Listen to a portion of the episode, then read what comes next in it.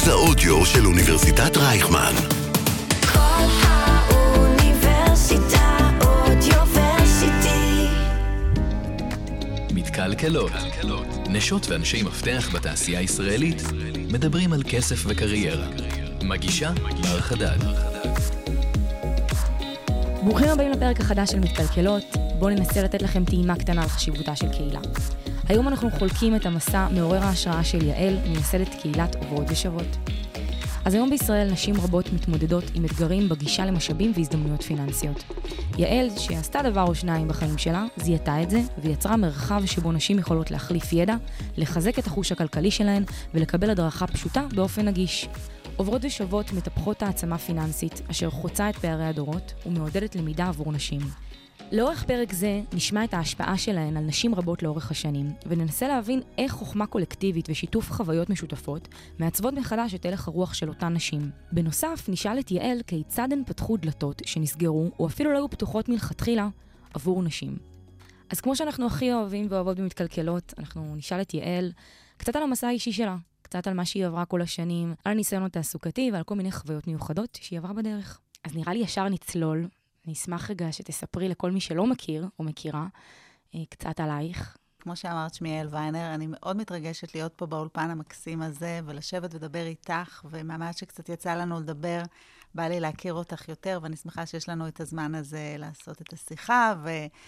אז אני אספר על עצמי ככה בקצרה. אה, יש לי שלושה ילדים ובן זוג, בעל, אה, מקסים. אה, ויחד אנחנו מנהלים משפחה אה, ומגדלים את הילדים, ולצד זה יש לי גם את הקריירה, אה, שהיא מבחינתי דבר מאוד מאוד חשוב ומשמעותי מהחיים שלי מהרגע הראשון, זאת אומרת, מהרגע הראשון שגמרתי את הצבא, אני ישר התחלתי לעבוד במה שנקרא לפתח את עצמי. זאת אומרת, היה לי רצון ללמוד, והיה לי רצון לעבוד, והייתה לי המון המון תעוזה לעשות דברים, וגם הייתה לי תחושה שאני יכולה לחלום הכל ולעשות הכל. אני אתן גם שתי דוגמאות קטנות על הדרך. מדהים. אמ, אז התחלתי את הלימודים, למדתי בהתחלה חינוך מיוחד, באמת שהייתי קצת פושטקת בבית ספר, אז כאילו זה מה שהתקבלתי. במקביל, אה, גמרתי את התואר בחינוך בהצטיינות, אה, בהצטיינות, עשיתי אה, עוד פעם פסיכומטרי, ואז בזמנו נרשמתי ללימודי משפטים והתקבלתי באוניברסיטת תל אביב, זה היה כבר לפני המון שנים. עכשיו, כשלמדתי לימודי משפטים, חיפשתי עבודה, אני נותנת את זה כדוגמה, ואמרתי, בא לי לעבוד, להיות מפיקה של תוכניות ספורט. אז פשוט התחלתי לכתוב all over עד שמישהו קיבל אותי. ובאמת זה מה שעשיתי כסטודנטית. עבודת הסטודנטית שלי הייתה מפיקה של תוכניות כדורגל. גדול. למה ככה רציתי? מה שאני רוצה להגיד, אני מאמינה באמת, לא בקטע שהוא רוחני, אלא בקטע מעשי, כמובן שצריך להתקדם, אבל אנחנו צריכים באמת לא לפחד לשים לעצמנו מטרות. ואחר כך למדתי משפטים, הייתי עורכת דין, נהניתי מזה עד שלא נהניתי, והחלטתי שאני רוצה אה, לעבור לתקשורת, ונכנסתי למעריב עסקים ככתבת משפט. ואז הייתה לי איזו פנטזיה, בכלל הפנטזיה שלי הייתה להיות עורכת Vogue. אמרתי, אני רוצה מאוד לערוך עיתונות לייפסטייל של נשים, ופשוט בחופשת לידה שלי הכנתי מוסף של סגנון, ובאתי לעורך מעריב דאז, אמנון דנקנר, זיכרונו לברכה, עם מוסף כזה, והוא פשוט קיבל אותי על סמך המוסף. אני מספרת את זה כי באמת, כשאנחנו מתכווננות למשהו, אנחנו רוצות לעשות משהו, ואנחנו באות עם ה passion שלנו, באמת השמיים הם הגבול. אז הסיפור שלי הוא סיפור של הרבה מאוד אה, לחשוב עם עצמי כל הזמן מה אני רוצה לעשות ולאן אני רוצה להגיע ואיפה אני רואה את עצמי, אבל ללכת בדרכים וביעדים האלה. 16 שנה הייתי בתקשורת, הייתי בין השאר עורכת של ליידי גלובס, אחר כך הייתי בצוות ההקמה של כלכליסט. וואו. אה, והייתי שש שנים עורכת התרבות והפנאי שם. ובאיזשהו שלב הגעתי למיצוי. עכשיו, המיצוי הזה הגיע גם מתהליכים פנימיים, וגם בגלל שהתקבלתי לתוכנית מדהימה, שנקראת uh, uh, Middle East Leadership Initiative, של מש, מקום שנקרא אספן אינסטיטוט בארצות הברית, שזו בעצם תוכנית שהיא תוכנית בת של תוכנית גדולה עוד יותר, שהיא תוכנית ליזמות וניהול uh, חברתי, שפעילה בארצות הברית. היו בה גם... Uh, אנשים מאוד בכירים. קמילה האריס, סגנית נשיא ארה"ב, היא בוגרת התוכנית הזאת. וואו. איך הגעת לשם? הגעתי לשם כחברה הייתה, ופשוט התחלתי to apply עד ששנה ראשונה פחות, שנה שנייה התקבלתי, והתקבלתי התקן של עורכת תרבות. זאת אומרת, את צריכה להיות באיזשהו מעמד של השפעה בחברה שבה את נמצאת, כי המטרה של התוכנית הזאת היא לקחת אנשים שיש להם איזושהי מוטת השפעה, ובאמת לעבור, לעבור איתם ולהעביר אותם איזשהו תהליך שבמסגרתו הם מגלים איפה הפשן היזמי-חברתי שלהם. והתהליך הזה הביא אותי למסקנה שאני רוצה לעשות משהו שהוא עסקי חברתי. והדגש הוא על עסקי חברתי, כי שאלת אותי, אמרת בהתחלה אה, עוברות ושוות, אינסטגרם, וזרמתי איתך ואמרתי פייסבוק, אבל זה הרבה מעבר לזה. זאת אומרת, זה, זה, זה אלו הזרועות של עוברות ושוות. עוברות ושוות, תכף כשנגיע לזה קצת בדיוק. יותר, אז אני ארחיב. ולמעשה התפטרתי מכלכליסט, והיה לי רעיון על איזשהו סטארט-אפ ש... ש... שניסיתי וכשלתי, כמו כולם, יש לי ברזומה כישלון בסטארט-אפ, משהו שקשור לתוכן, שלא נרחיב עליו פה, אבל כל הזמן התבשל לי בראש הרעיון שאני רוצה לעשות משהו שהוא באמת חברתי. איכשהו הנסיבות הובילו אותי לזה שפגשתי ואיזושהי חברה ששידכה ביני לבין בחורה בשם ענת קצה רוג'ס, אה, שהיא מהנדסת תעשייה וניהול, ויחד היינו נפגשות בערך חצי שנה פעם בשבוע, חולמות על המיזם שלנו. והיה ברור לנו שהוא קשור לנשים, כי אני הרבה מאוד שנים התעסקתי בנשים. כל התקופה שלי בעיתונות הכלכלית, לא רק בליידי גלוב, אני תמיד הייתי עושה אירועים לנשים, ותמיד אה, ככה כל מיני אה, כנסים שקשורים לנשים. לי היה ברור שזה קשור לכסף, היא קצת יותר משכה לטכנולוגיה, אבל אז אחרי שעשינו בדיקה ראינו שיש המון המון דיבורים, המון שיח, המון עמותות שעוסקות בדברים שקשורים לאי שוויון שקשור לנשים. פערי שכר, זה מאוד על הפרק. ייצוג לא שווה, אפשר להגיד, זה מאוד על הפרק. אלימות נגד נשים. אבל דבר אחד, אף אחד לא דיבר עליו. וזה מה שנמצא ממש מתחת לפנס שלנו, בכל בית. מי מנהל את הכסף? נכנס לנו כסף, נגיד שכבר כן השגנו שכר שווה. אני ובן הזוג שלי מרוויחים אותו כסף, אבל הכסף הזה מגיע אלינו הביתה. מי מנהל אותו? ומי יודע מה קורה איתו? כי אם אני מרוויחה 50 אלף שקל בחודש, והמשכורת נכנסת לבנק, ומאותו רגע נפרדתי מהם לשלום, ואין לי מושג מה קורה איתם, לדעתי, זה כשל מאוד מאוד חמור. והתחלנו לבדוק ולחקור, וקראנו באמת מאמרים ומחקרים בעולם, וראינו נתונים של בנק ישראל, והגענו למסקנה שיש פה כאב, שיש פה בעיה מאוד מאוד אמיתית, וגם לא מדברים על זה. מכמה טעמים. כי זה טאבו לדבר על כסף, וגם לא מדברים על מה שקורה בבית, נכון? את לא תשבי עם החברה ותגידי, אני משקיעה, בעלי משקיע, שזה גם עניין של הסללה תרבותית, והסללה... אבל זה, זה המצב. ומפה הגיע הרעיון לפתוח אה, את המיזם הזה שנקרא עוברות ושוות, שדרך אגב לא התחיל בהתחלה כקהילת אה, פייסבוק. מה שאנחנו חשבנו בהתחלה שאנחנו צריכות לעשות זה באמת להקים עסק שבא להנגיש פיננסים לנשים. והתחלנו לעשות אה, רודשואו לעסק שלנו בקרב כל הגופים הכלכליים הגדולים כמעט במשק. אז אני רגע אחדד. את מספרת כאן על תהליך של אישה שפשוט הולכת אחרי החלומות שלה, מטפסת אברסט אחד, אומרת, יאללה, מהמם, איזה פסגה יפה, איזה נוף אה, יפה, ויאללה, אני ארד אותו ואני אעלה את האברסט השני, וכך הלאה וכך הלאה, וכל פעם שמת לעצמך בעצם בקדימה שלך, מה עכשיו ה-next step שלי, אבל ממקום מאוד מחובר לעצמך. זאת אומרת, מה מעניין אותי עכשיו? כאילו, נשמע שברגע שאת uh, ממצה, לא ב... דווקא לא בהיבט השלילי, בהיבט החיובי. ברגע שמיציתי, הרגשתי שנתתי פה את הטון, אני עוברת כרגע לדבר הבא, ולדבר שמעניין אותי, ולדבר שאני אוכל באמת לתת מעצמי. ואז, בעצם אחרי כל מה שאת מספרת פה, את מגיעה לענת, ואתן בעצם חוברות בכלל ממקום של ביזנס. איך אנחנו מקימות עסק שמייצר כסף, וזאת אומרת, מלווה נשים, משפחות, מה... אז זהו, אז תכף אני אחדד לך מה, אבל לפני זה אני רוצה קצת לחזור אחורה ופה לפתוח אה, סוגריים מצד אחד ומרקר ירוק מצד שני. שאת אמרת מטפסת על אברסט, היה לי רצון לקטוע אותך, ו- וזה נורא נשי, ולהגיד אולי על הקלימנג'ארו. כי יש לנו כנשים נורא נטייה להקטין את עצמנו, אוקיי? אבל כן, באמת אני מציבה לעצמי יעדים, וכן, אחרי שאני מרגישה שהגעתי לאיזשהו סיפוק, לאיזשהו מיצוי, אז כן, יש בי את הרצון לעבור ולעשות את הדבר הבא. אני בכלל מאמינה שהגענו לפה לחיים האלה בשביל לסייר בהם בכיף. זאת אומרת, את לא תיסעי כל פעם רק לניו יורק, נכון? את תרצי פעם להיות ברומא, ופעם אולי לנסוע לתאילנד. ופעם... אני באמת מרגישה שאני בן אדם נורא סקרן, והמון דברים מעניינים אותי, באמת, אמיתי מעניינים אותי. אני באמת מתעניינת בספורט, בגלל זה דרך אגב הגענו בזמנו לזה, ואני באמת מתעניינת מאוד בפיננסים, זה נושא שמעניין אותי ומרתק אותי לצורך העניין. ובזמנו שרציתי להיות עורכת Vogue, זה בא ממקום שנורא עניינה אותי אופנה, זאת אומרת, אני באמת הולכת אחרי ה passion שלי, אבל אני באמת גם הולכת אחריו, אני, אני, אני לא רק חולמת, אני מאוד דוארית. זה תמיד לעשות את הדברים. אני לא סתם מסמנת מטרה, באופי שלי אני מאוד פרואקטיבית. מה שענת ואני רצינו, ואני שמחה שחידדת את זה, להקים ביזנס, שהביזנס, המטרה שלו הייתה לחבר בין גופים פיננסיים לבין אנשים, מתוך הבנה שיש אוקיינוס כחול, מעל 50% מהאוכלוסייה, או 50% לפחות של האוכלוסייה, שמתוכן הרוב לא בקיא בתחום הפיננסי, וזה, וזה תוקע גם אותן, אבל גם את המשק. ברור. ואני, ואני אתן לך פה דוגמה, אפילו משפחה הכי נורמטיבית ושוויונית, שבא יועץ פיננסית, פיננסי הביתה, ומדברת על עצמנו, ומדבר רק לגבר, כי זה מה שהם עושים, זה קרה לי לא אחת.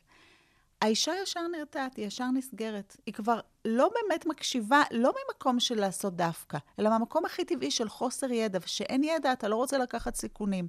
ולכן אני אומרת שככל שאנשים יודעות יותר, הם גם יטעו להשקיע יותר את הכסף, הם יטעו להגדיל יותר את ההון שלהם, זה מעולה גם למשק. וזה מה שבאנו להגיד, להגיד לגופים פיננסיים. אז גם אני אכניס פה סוגריים, כשאת אומרת מעולה למשק, יש פה אינטרס גברי מובהק. לגרום לנשים להבין ולהצליח לנהל דברים שאולי הם יעשו יותר טוב מהבעל או מהשותף אה, לחיים, או מ... את יודעת מה? אפילו גם במקומות העבודה. זאת אומרת, תראי, אנחנו, אנחנו לצערנו נראה פחות נשים בתפקידים בכירים במקומות אה, אה, פיננסיים, בנקים, קרנות וכולי. לא רק במקומות פיננסיים, דרך אגב. את יודעת שבתל אביב, אה, במדד תל אביב 125, לדעתי יש שלוש מנכ"ליות בלבד. ב-25 יש מנכ"לית אישה אחת בלבד. זה לא חברות פיננסיות רק, זה החברות הגדולות במשק. יש בעיה מאוד גדולה עם ייצוג, ייצוג נשים, ופה אני דווקא קצת חולקת עלייך.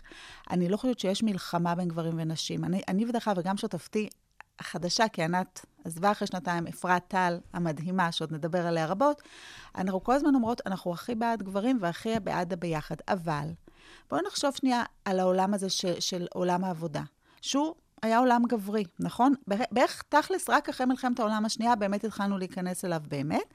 עכשיו, תחשבי שכל מקום שאישה תופסת זה מקום שגבר לא נמצא בו. אז יש פה איזושהי בעיה מובנית באמת בזה שנשים הן מצוינות, הן מוכשרות, אבל יש איזושהי קליקה של גברים שקיימת הייתה שם ממילא, ובאופן טבעי אתה, אתה רוצה לקחת אנשים כמוך. אישה מגיעה, זה יכול בתת הכרה לאיים עליך. יש, יש פה תהליכים, ושוב פעם, זה לא נגד גברים, שום דבר לא נעשה פה בכוונה.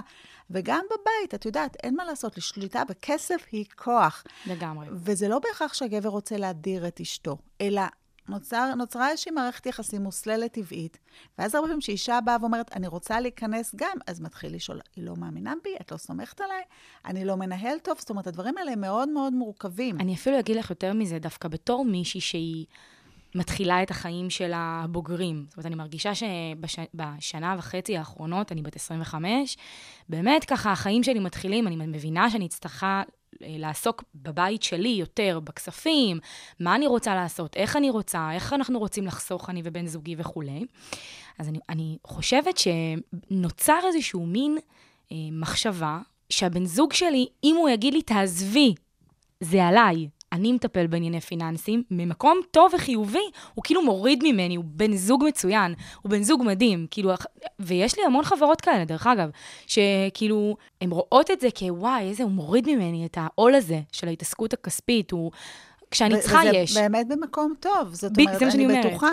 אני רק חושבת, וזה הדבר שבעצם עוברות ושוות, באה ו- ואומר, דרך אגב, גם לא חייבים הכל ביחד, אבל אם האישה צריכה לדעת, האישה צריכה, יש לי חברות שלא יודעות, אין להם את הסיסמה לחשבון בנק שלהם באינטרנט. וואו. את מבינה? עכשיו, לך זה נראה וואו, אבל זה לא קיים בכלל, זאת אומרת, סבבה, מה שקורה, קורה. ומה שאנחנו אומרות, אם יותר טבעי שהוא ינהל, אולי הוא יותר טוב בזה גם, זה גם בסדר, נכון. הזוגיות. אבל ברגע שיש מישהו שלא יודע, שהוא לא בעניינים בכלל, או מישהי שלא יודעת ולא בעניינים בכלל, זה המקום הלא נכון. אני רוצה שנייה לחזור לגופים הפיננסיים, וממש באנו ואמרנו להם, תראו, קחו את הזרקור, אנחנו מביאות לכם, ואנחנו יודעות לעזור לכם להגיע לשוק הזה. תקשיבי, מכל המדרגות גלגלו אותנו. עכשיו, אני באתי מהעיתונות הכלכלית, מתפקידים בכירים, היה לי באמת את ה access המאוד ישיר. ישיר לכל מי שתרצי. אף אחד לא נתן לנו צ'אנס. ואז עלתה בנו הכרה שאנחנו צריכות להתחיל לפעול bottom up. אנחנו צריכות להראות שיש קהל. ואני רוצה להגיד לך, ואני גם מרשה לעצמי לצטט, אלה אלקלעי, שאת בטח מכירה אותה, מקרוב. כן, אז... אה, והיא אמרה מעל הבמה משהו שכל כך שימח אותי, שהיא אמרה שהיא באה לבורד שלה ואמרה, יש קהל נשי, תראו את עוברות ושוות. וזה בעצם די האסנס של מה שרצינו לעשות באמצעות הקהילה. אז באטם אפ, יצרנו קהל. טוב, אז בואי נעשה ככה. בואי תסבירי מה זה עוברות ושוות. אצלי זה מצטייר כאיזה קהילה אה, של רשתות חברתיות מאוד מאוד חזקה, שמנגישה מידע, אבל לפי מה שאת מתארת פה, זה הרבה יותר. נכון. אז קודם כל, מיזם עוברות ושוות הוא מיזם אה, חברתי-עסקי או עסקי-חברתי, אה, שהמטרת על שלו היא לקדם נשים לעצמאות פיננסית, אוקיי? זו המטרה שלנו. כדי לעשות זאת, אנחנו גם מנגישות את הידע, אנחנו גם אה, נותנות אה, כלים, וגם אה, פותחות צוהר למוצרים, שזה דבר שנתחיל לעשות עכשיו יותר ויותר, כי אנחנו עכשיו בשלב שאנחנו רוצות להתחיל להניע אנשים לפעולה. הייתה לנו הבנה מההתחלה שאנחנו צריכות לבנות אקו-סיסטם, כי בעצם התחלנו מאפס. תחשבי, סתם אני אגיד, זה קצת להיתלות באילנות גבוהים, כמו החלוצים שבאו לארץ, היה צריך לסלול כבישים, היה צריך נכון הכל. אנחנו הבנו שאנחנו צריכות להביא לקהילה גם את הנשים שרוצות לדעת, אבל גם את נשות המקצוע. ומה שעשינו, בנינו את הקהילה, וזה גם לכל מי שרוצה לבנות קהילה, היה לנו בתור התחלה קבוצת וואטסאפ של עשר נשות מקצוע, רואות חשבון, עורכות דין, יועצות פיננסיות, וכל שאלה ששאלו בהתחלה ברוב השאלות, היינו מקפצות לקבוצה והן היו חוזרות. עכשיו, למה זה עבד? כי זה ווין ווין. כי גם בשבילם יש אפשרות לחשיפה ללקוחות. שום דבר לא עובד בלי שמישהו מרוויח מזה משהו. לאט לאט זה הלך וגדל ונהיה אורגני. בעוברות ושעות היום, בכל יום נתון יש בין 70 ל-90 פוסטים user generated content. וואו. אנחנו לא מתערבות, זה, זה המקום. עכשיו, כל הזמן יש מי שעונה. גם uh, נשים שעונות אחת לשנייה, וגם נשות המקצוע. אז מההתחלה פתחנו פה את האקו-סיסטם הזה, ו, uh, וזה צמח. עכשיו, מה שקרה זה שהתחלנו גם לפתח עוד ערוצים, כמו את האינסטגרם, ויש לנו גם יוטיוב, ו... סוף סוף שאלנו קהל, גם התחילו לפנות אלינו חברות מסחריות. והתחלנו לעשות איתם שיתופי פעולה, שהשיתוף פעולה הראשוני שעשינו, ושהיה מאוד מאוד מוצלח, היה להקים בנק, ודרך אגב, אני, כל מי שרוצה, יש לנו ערוץ יוטיוב עם סרטונים, ויש בהם המון המון מידע. אז, אז חברה מסחרית שעוסקת בביטוח, עשתה איתנו, אה, למשל, סרטון על ביטוח, שהיה לגמרי אובייקטיבי, כל מה שהיה זה רק את הקרדיט של האישה שהיא מחברת ביטוח. אבל יש בו הסברים על ביטוחי בריאות ועל ביטוחי חיים, ויש לנו הסברים על מה זה ריבית דריבית, וכל דבר שרק תרצו... זאת אומרת, לד... ברמת המושגים, מה לגמרי. זה בכלל? לגמרי. אז זה יש לנו בערוץ יוטיוב. אוקיי. Okay. האינסטגרם שלנו, הוא מנגיש גם כל מיני דברים. הנה, נכנס עכשיו, אה, היה אמור להיכנס ולא נכנס, הרפורמה ביטוחי בריאות, כתבנו על זה, אוקיי? כל דבר שקורה, אנחנו מנגישים אותו באינסטגרם שלנו, והפייסבוק שלנו זה הזירה לשאלות ותשובות. לצד זה, לקחנו את נשות המקצוע שירו במערכה הראשונה, והקמנו יחד איתם, וזה לא הרבה אנשים יודעים, יש לנו מיני קהילה של נשות מקצוע שנקראת ספיישליסט, שפתחנו לה פלטפורמה אינטר, אינטרנטית שהיא אינדקס. זאת אומרת, אם את היום רוצה יועצת ביטוח, את יכולה לבוא, יש לנו למעלה מ-20 אה, יועצות ביטוח או סוכנות ביטוח, את יכולה להסתכל ולבחור אישה אם יש עליה את כל הסיפור שלה, את יכולה הפנייה לדברים שהיא כתבה, הפנייה לדברים שהיא כתבה בקבוצה, ואת יכולה אה, לפנות אליה. אז ממש בנינו אקו-סיסטם של ידע, של שירותים ושיתופי פעולה עם חברות מסחריות. היה לנו עכשיו למשל שיתוף פעולה מדהים עם uh, חברת אשראי, שליום האישה נתנה לכל הלקוחות שלה גברים ונשים סבסוד של 150 שעות ייעוץ עם נשות specialist. מדהים. יש לנו את ההרצאות שאנחנו עושים. את מכירה את עוברות ושבות on tour? מכירה. אז כל שנה, חמש שנים. ב on tour השנה אה, היו לנו 13,000 נשים, עלו לשמוע הרצאות. יש לנו שבוע וואו. עם 50 הרצאות. שלקחנו עבורם 20 שקל. אז אנחנו כל הזמן עושים ידע, אה, כנסים, מה הרצאות. מה הערוץ שאת מרגישה שהוא הכי משמעותי? זאת אומרת, איפה את יכולה להרגיש את ה base שלך? ה base שלי הוא בפייסבוק. פייסבוק, לא אינסטגרם? אינסטגרם, אנחנו מעבירות ידע. הפייסבוק זה נשים שקמות בבוקר, ותחשבי, בין 70 ל-90 כל יום, לא אנחנו, וכותבות פוסט. אה, אנחנו יכולות להסתכל קצת ולראות. אז יש לנו פוסט שלמשל אה, אומר, מדבר על עצמאיות ושואל, מישהי מבקשת חברת סליקה חדשה, אוקיי? עצמאית, יש לה איפה להתייעץ. הבן המתבגר רוצה ככה וככה. אשמח לשמוע את דעתכם לגבי הצעה שקיבלתי על ביטוחי בריאות. קיבלתי סכום של, אני לא רוצה להגיד לא לזאת, ברור. איקס מיליוני שקלים, מה אני צריכה לעשות איתו? עכשיו, ראית, זה הכל, זה דברים שעלו בטח בשעה, שעתיים האחרונות, כי זה דברים הראשונים. וזה מדהים כמה הן מרגישות פתוחות לדבר על נושאים שכמו שציינו בהתחלה, היו טאבו, טאבו לחלוטין. כאילו, אני ארשום פוסט בפייסבוק על, אה, על זה שקיבלתי כמה מיליוני דולרים זה, מירושה או whatever. זה נעשה בעוברת אנונימית שואלת, שזה יש לנו כן. בדיוק לצורך זה, ושם דרך אגב מגיעים גם מקרים לא פשוטים של אלימות כלכלית, שחלקם אנחנו אפילו לא מעלים, ומפנות את זה לגופים הרלוונטיים. זאת אומרת, ישר אתן אה, לוקחות את זה וככה... לא היו הרבה, אבל היו כמה שהבנו שזה לא... לא גם בטוח תקבל תשובות נהדרות, אבל זה משהו שצריך... ברור, מישהו להתייחס שעכשיו אליו. יטפל. ב- כן. והכי קשה זה מקרים של נשים שמעלות סיטואציות שאנחנו כבר רואות מבין השורות, וזה קורה, אבל הן עוד לא מגדירות את זה לעצמם. הן לא ואז את אומרת. איך אני פונה אל אותה אישה ואומרת לה בעצם, את, את חווה כאן משהו שהוא לא בסדר. שהוא הרבה יותר גדול ממה שאת מבינה. אה, אז כן, אני, לפחות לאישה אחת כזאת, פניתי ואמרתי לה, אני כאן בשבילך לכל דבר, והיא ענתה לי, הכל בסדר, את תפרסמי את השאלה שלי. אז פרסמתי את השאלה שלה. את יודעת, אנחנו לא יכולות להיות ברור. אחראיות, אבל אנחנו מנסות ככל אבל אתן האפשר. פלטפורמה מדהימה. כן. אני באמת חושבת על אותה אישה שנמצאת במצוקה ורוצה להתגרש, ואין לה את מי לשאול. והיא יכולה לפנות אליי מתוך אמון גדול, ואני רואה את השם שלה, ולבקש ממני לעלות לאנונימית, ושם היא שואלת מה היא צריכה לעשות דבר ראשון. אין לה מושג מה קורה, כמה כספים יש לה. מה, מה קורה? האם היא תהיה עכשיו נטולת קול? מה... את יודעת, זה, תחשבי שיש מקום שנשים יכולות לעשות את זה. וואו, מדהים.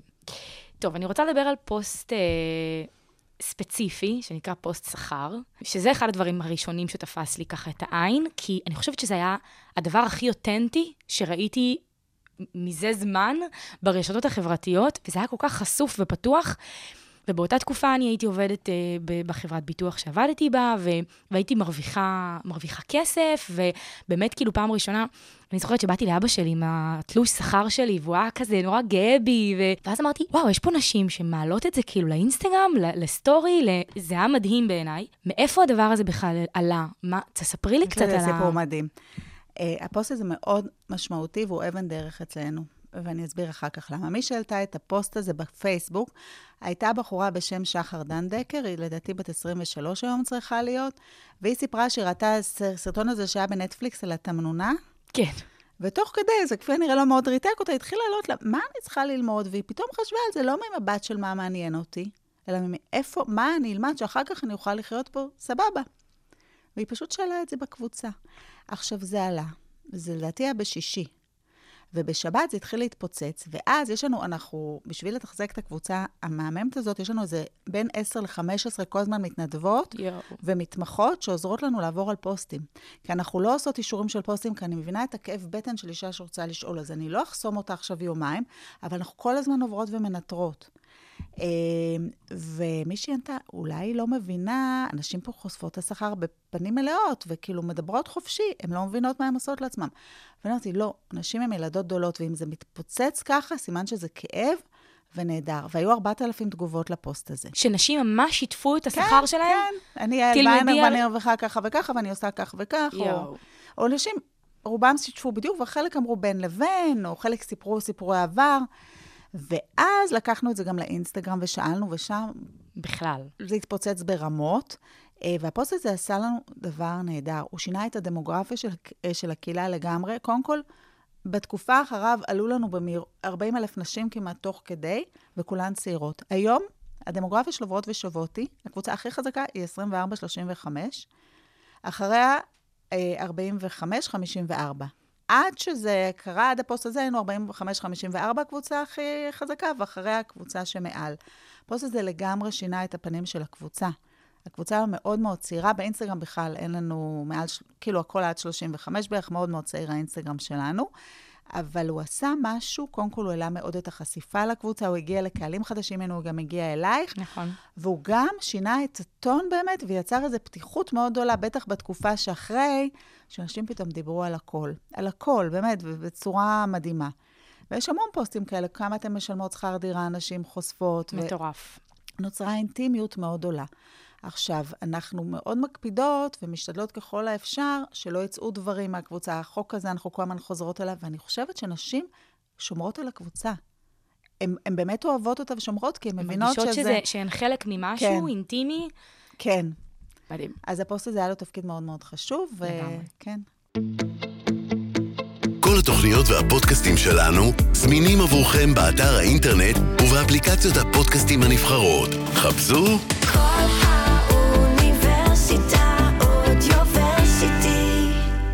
טוב, יש לי ש... שאלה קצת אה, לא פוליטיקלי קורקט. אני רוצה, חשבתי לקנות דירה, אה, אני אשיג את ההון העצמי שלי מ- קצת מההורים שלי, קצת מחברים, יש לי ככה וככה כסף.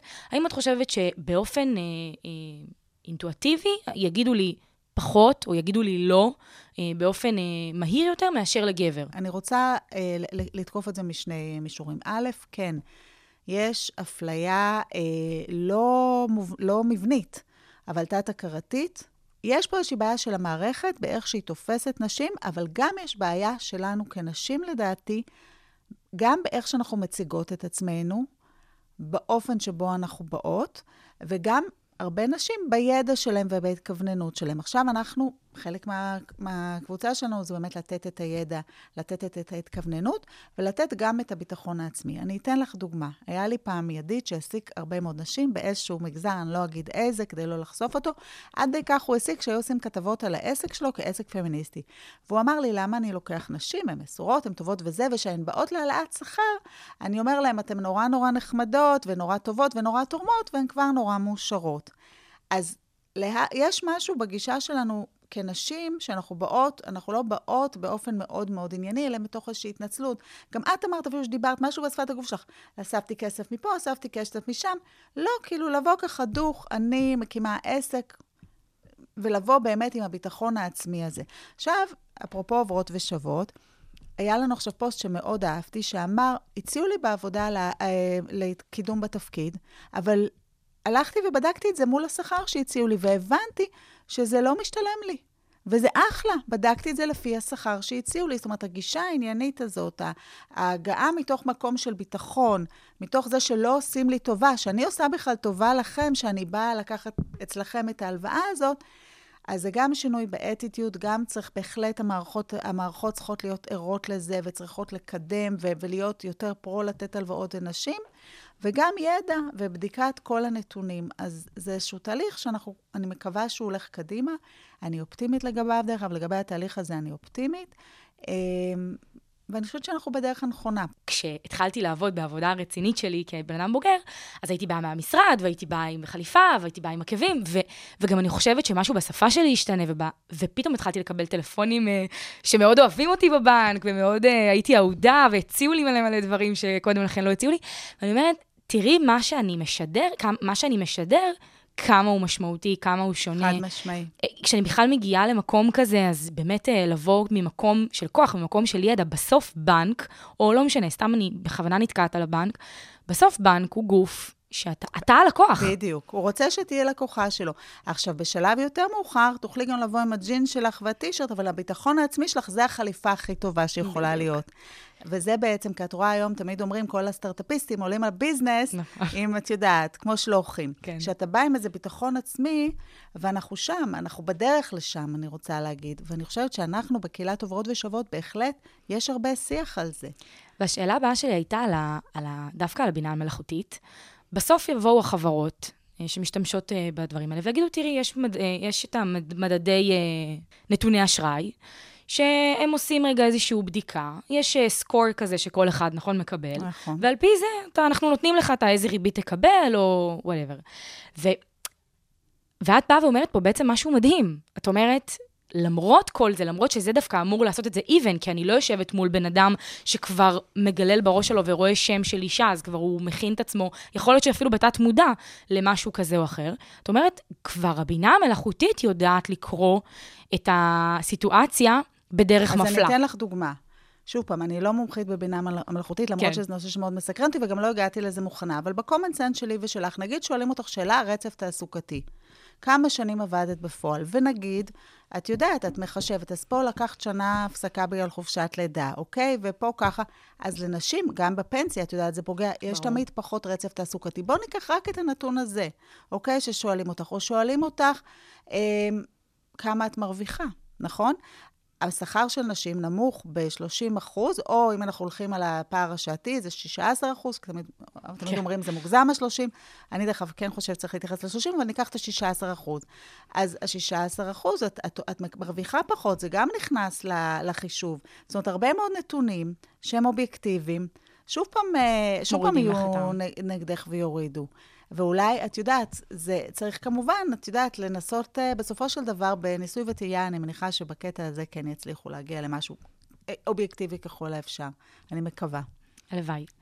טוב, אמ, שאלה שמאוד מסקרנת אותי לשאול אותך. אמ, אני מניחה שמישהי תשמע את הפודקאסט הזה. אומרת לעצמה, וואי, יעל, ממש עשית לי עכשיו אה, חשק להכיר את הכסף שלי, להבין שנייה מה יש לי בחשבון, מה יש לי לא בחשבון, מה יש לי בפנסיה, יש לי ביטוח, אין לי ביטוח. מה היית ממליצה לאישה בטווח גילאים שאנחנו מדברות עליהם, באמת כזה, נגיד מגיל 23 עד גיל 35, מה היית ממליצה לה עכשיו, לקום בבוקר ומה לעשות?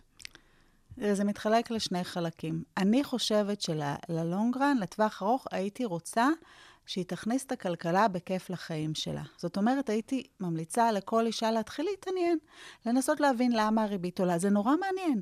בסוף, זה כמו שאת מתעניינת בפוליטיקה, כלכלה זה הבסיס של הכל. אז דבר ראשון, אני ממליצה לכולנו לא להירתע מהדברים האלה, לנסות להבין, לנסות לקרוא, לנסות להתיידד. שבזמנו, שהקמנו את כלכליסט, אז המטרה הייתה לקרב את הכלכלה לאנשים, וזה ממש גם המטרה של עוברות ושוות, לקרב את הכלכלה לנשים. דבר שני, ודרך אגב, וזה גם להיכנס למקומות כמו עוברות ושוות, ולהתחיל לקרוא ולהבין, והרבה נשים אמרו לי שהם נכנסו לעוברות ושוות, והקצב הפסיק להפחיד אותם. כי פתאום מדיבור למעלה זה הפך דיבור נורא נורא עממי, ודרך אגב, תיכנסו לעוברות ושוות, זה כמו סיפורים קטנים, זה כמו ריאליטי קטן, כל נכון. פוסט כזה הוא ריאליטי. זאתי רוצה למכור דירה, וזאתי החבר שלה ככה, והם רוצים להתחתן ורוצים הסכם ממון וכאלה. עכשיו לגופו של עניין, אני חושבת שכל אישה צריכה להתחיל בניהול התקציב שלה, אוקיי? אנחנו, יש לנו הכנסות ויש לנו הוצאות. ואני הייתי ממליצה לכל אישה, אני לא אומרת אקסל, כי יש נשים שרק האקסל נורא מפחיד אותן. אני. לקחת מחברת ולעשות קו באמצע ולכתוב במשך שבוע כמה אני מוציאה, ולהתחיל לשים לב להכנסות ולהוצאות. ואז להגיד, אוקיי, אני רוצה שבכל סוף כל חודש יהיה לי 500 שקל הכנסה פנויה, שלא עשיתי איתם כלום, שהם הולכים לחיסכון. ואז ללכת ולפתוח קופת גמל להשקעה, ופשוט לתת הוראת קבע של 500 שקל, אחרי שאת רואה שזה מה שעומדת מראש. כל חודש, בתחילת כל חודש, לפני שהתחלת לבזבז. אני חוזרת, קודם כל לברר כמה את יכולה להשאיר. אחרי שביררת, לתת הוראת קבע לקופת גמל להשקעה, שיהיה לך בתור התחלה. עכשיו, זה סיפוק עצום. את נכנסה את הכסף שם, הוא נכנס באופן קבוע, לאט לאט גדל, יש את אפקט הריבית דריבית, זאת אומרת, הכסף עוד מתחיל לעשות כסף בשביל עצמו, וזה הצעד הראשון שהייתי עושה עבור כל אישה. עוד דבר, לבדוק כשאת נכנסת למקום עבודה, מה מפרישים לך, אוקיי? לדאוג שאם יש לך פנסיה שאת עוברת, שיש לך הפרשים בין מקומות עבודה, להשאיר אותה בחיים. כי חלק מהסיבות שאין לנו רצף פנסיוני זה שאנחנו כל פעם עוצרות בין מקום עבודה אחד לאחר. לדאוג ולחשוב קדימה, כי בסוף זה מגיע, וזה לא כל כך רחוק, וצריך להתחיל לחשוב על הפנסיה מגיל צעיר. היום אין לנו פנסיה תקציבית כמו שהיה פעם, ואין לנו 70 אחוז מההכנסה האחרונה כמו שהיה פעם, אולי אתן לא זוכרות את זה, אבל זוכרים את זה. היום הפנסיה יכולה להגיע לגרוש וחצי, אבל אם מתחילות לחסוך בגיל מוקדם, אז היא תהיה פנסיה יותר גדולה בסוף. אז לחשוב מאוד מאוד רחוק ולחשוב מאוד מאוד קרוב. ברגע, וזה מה שאני מאמינה, שתתחילו לעשות, לנהל את התקציב שלכם, את התזרים החודשי, להפריש כל חודש סכום מסוים לגמל להשקעה, או אני לא יודעת מה, יש כל מיני אפשרויות אחרות, זה יתחיל לבוא לכם.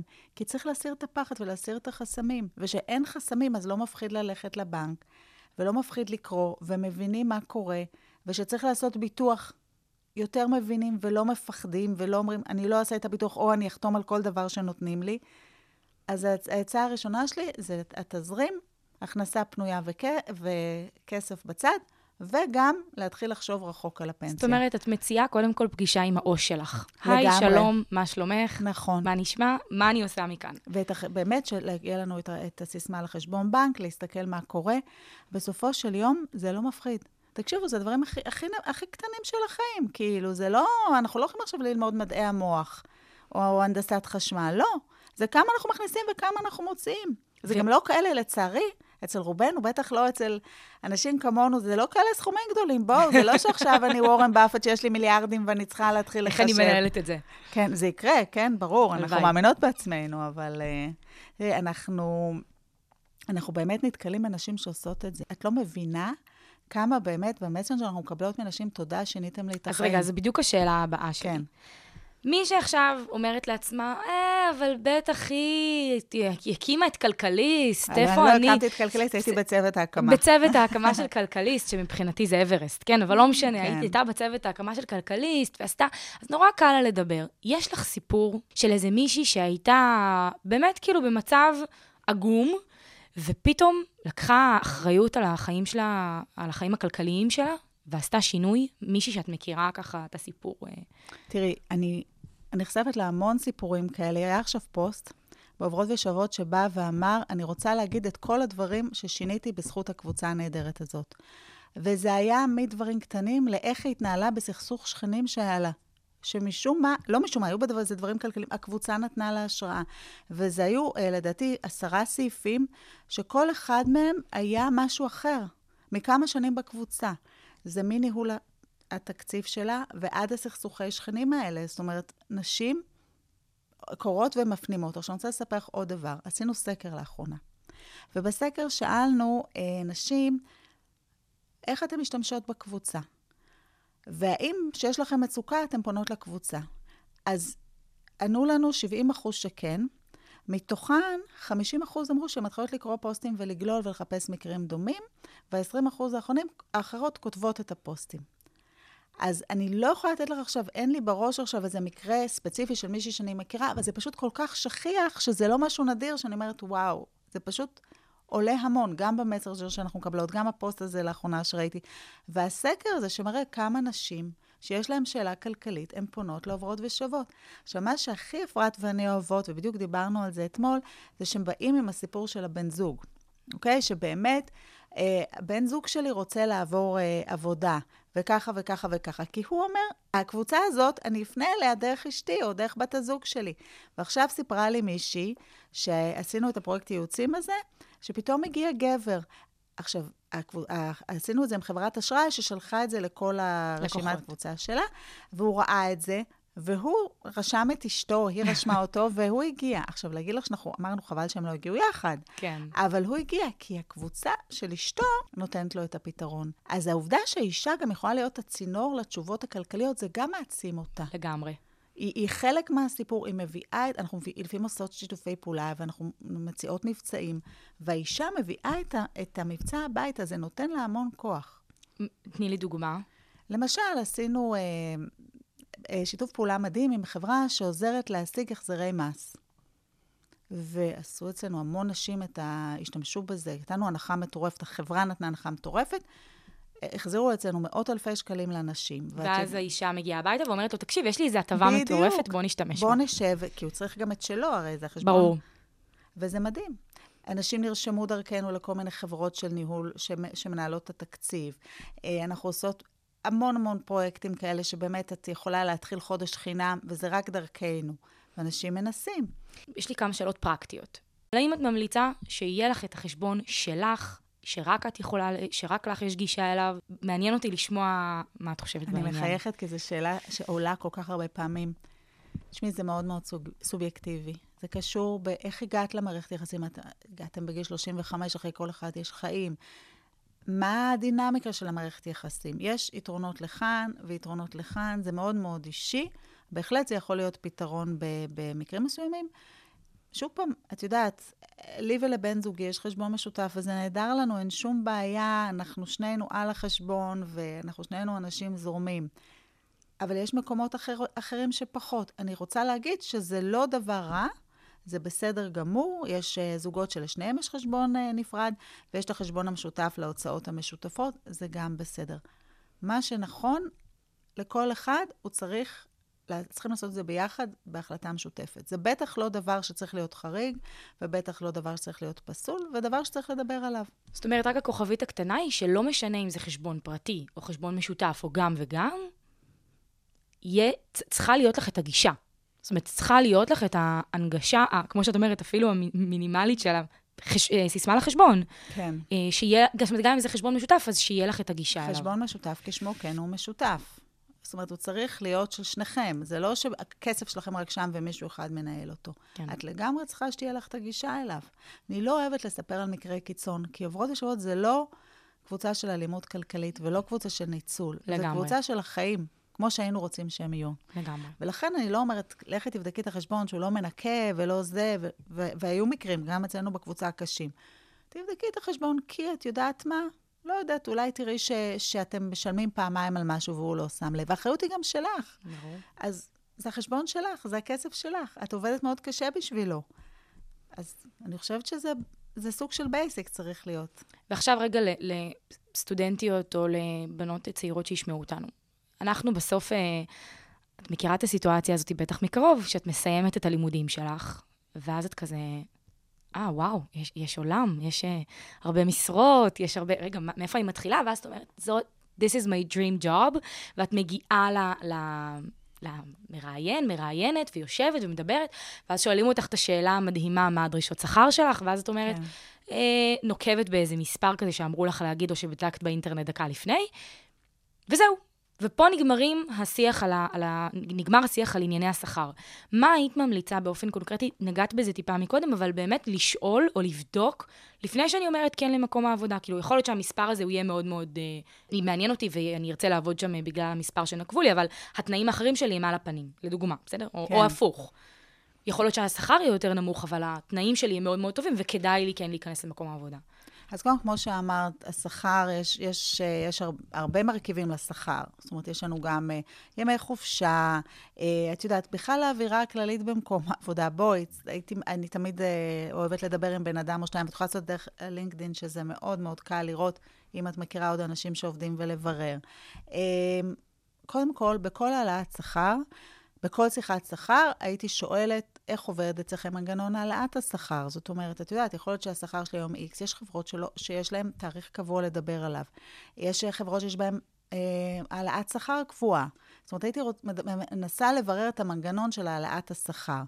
אה, יכול להיות ש, שאת יודעת שיגידו לך בחברה הזאת, תקשיבי, נהוג להתחיל ככה ולהגיד אחרי חצי שנה, במידה וככה וככה. זאת אומרת, הייתי מדברת עם מישהו לנסות להבין מה קורה. עכשיו, זה נורא נורא מעצבן הקטע הזה של כמה שכר את מצפה, ואני חייבת להגיד שגם אני בראיונות לפעמים נפלתי בו מכל הכיוונים, גם, גם בצד המראיין וגם בצד המרואיין.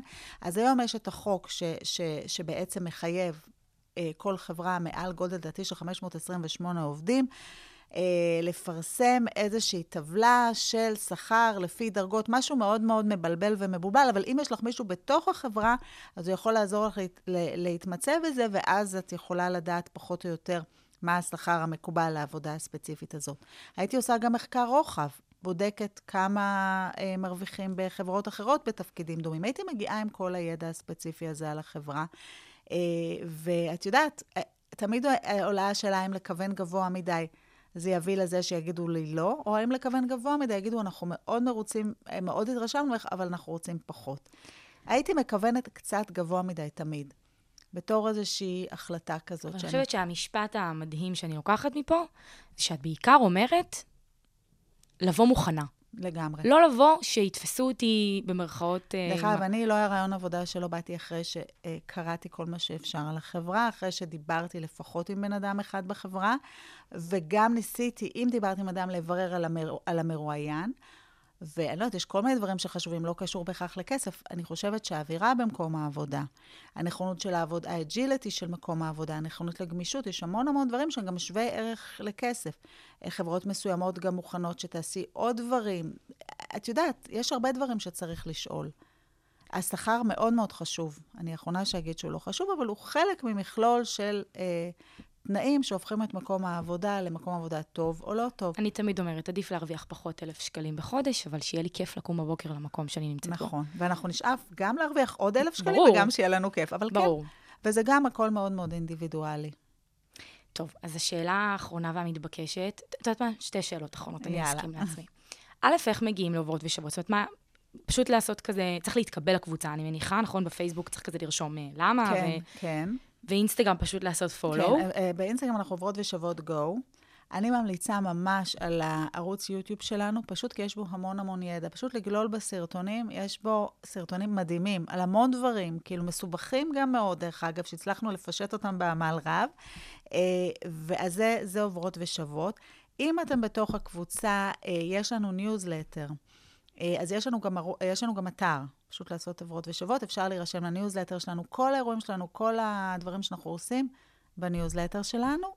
אה, ואם אתם מחפשות אשת מקצוע בתחום הפיננסי וחשוב לכם, אז גם תדעו שאנחנו... כי הרבה פעמים יותר קל לדבר עם אישה, זה לא יעזור. לגמרי. כן. אז יש לנו באמת נשות מקצוע בכל תחום שתרצו, דיני עבודה, אה, דיני אישות, אה, זה עורכות דין, וסוכנות ביטוח, יועצות פיננסיות, יועצות פנסיוניות, מדהים. יועצות לכלכלת המשפחה. מדהים. כן. ושאלה אחרונה שאני אוהבת לשאול תמיד זה, מה, תני לי את הטיפ הזהב שלך בכללי, שמלווה אותך גם באופן אישי, אבל גם מה היית ממליצה לבת שלך? זה כאילו דברים נורא קלישאתיים, אבל אז מה? בסוף זה, זה כאילו, וואו, אני מרגישה נורא, זה, זה כאילו משפט, נורא, אבל באמת ללכת עם, עם האמת שלך. זאת אומרת, כאילו, בסוף, לבוא ולהסתכל ולהגיד, אוקיי, מה אני רוצה לעשות באמת? מה אני רוצה להיות באמת? לאן אני רוצה להגיע? זאת אומרת, לזקק את כל... אני תמיד עשיתי את זה באינטואיציה. אני... הרבה פעמים, את יודעת, יש דברים שהם כאילו הסחת דעת כזה. נעשה ככה בשביל להגיע לפה, הכל סבבה. אבל ברגע שאתה יודע לאן אתה רוצה להגיע ומה את רוצה להיות, ואני לבת שלי, הבנות שלי, יש לי שתי בנות ובן, שהוא גם מאוד מחובר לצד הנשי שלו, אני הייתי רוצה שהן יהיו עצמאיות, שהן יציגו לעצמן מטרות ויכוונו אליהן, ובאמת יחיו את החיים שהן רוצות לחיות. מדהים. זה לא כל כך פשוט, החיים מאוד מורכבים, יש אילוצים פה ואילוצים שם, אבל בהתכווננות שלנו, אנחנו צריכים ללכת לשם. זה מה שאני מקווה שעוברות ושוות מאפשר לנשים ועוזר לנשים להסיר כל מיני חסמים ומכשולים בדרך באמת להשיג את, ה, את הדברים שהן, שהן רוצות, גם במישור האישי וגם במישור העסקי והתעסוקתי. מדהים. טוב, אני מודה לך מאוד. היה לי הכי כיף שבעולם לדבר לך, איתך, גם מהמקום. האישי, אה, שכיף סוף סוף שזה, העמוד אינסטגרם הזה, נוצר אה, החיבור המדהים הזה. אני רוצה להגיד שאת העמוד אינסטגרם המדהים, המדהים עושה עופרי ויינר, שהיא גם אחיינית שלי, והיא וואו. סופר מוכשרת. ושוב פעם להגיד תודה באמת לאפרת טל, השותפה שלי, שהיא השותפה הכי טובה שיכולה להיות. שדרך אגב, אנחנו לשמוע. זינקנו מהרגע שהיא נכנסה לקבוצה ברמות על, היא מלאת אנרגיות, וכאילו, יחד אנחנו... אנחנו מאמינות. גדולות במיזם הזה. זה דבר, עוד דבר, צריך מאוד להאמין בכל דבר שאנחנו עושים. ואפרופו לכבוש פסגה ולעבור לאחרת, ברגע שפחות את מאמינה ופחות יש לך את הפשן, אז תדעי לסגור את הדלת ולהתחיל אה, לחשוב איך את פותחת את הדלת הבאה. אה, הנה, בבקשה, לא קלישאתי. יפה, הצלחתי בסוף. הצלחנו בסוף. אז תודה רבה ליעל וינר, מנהלת אה, ומייסדת של קהילת עוברות ושוות. אני רוצה להגיד תודה ענקית לצוות המדהים של אה, מתקלקלות, דניאל גולדברג, לשקד מזרחי, לישי ברביבאי ולגדי מזרחי המדהימים שלי, ונתראה בפרק הבא. מתקלקלות. נשות ואנשי מפתח בתעשייה הישראלית מדברים על כסף וקריירה. מגישה בר חדד.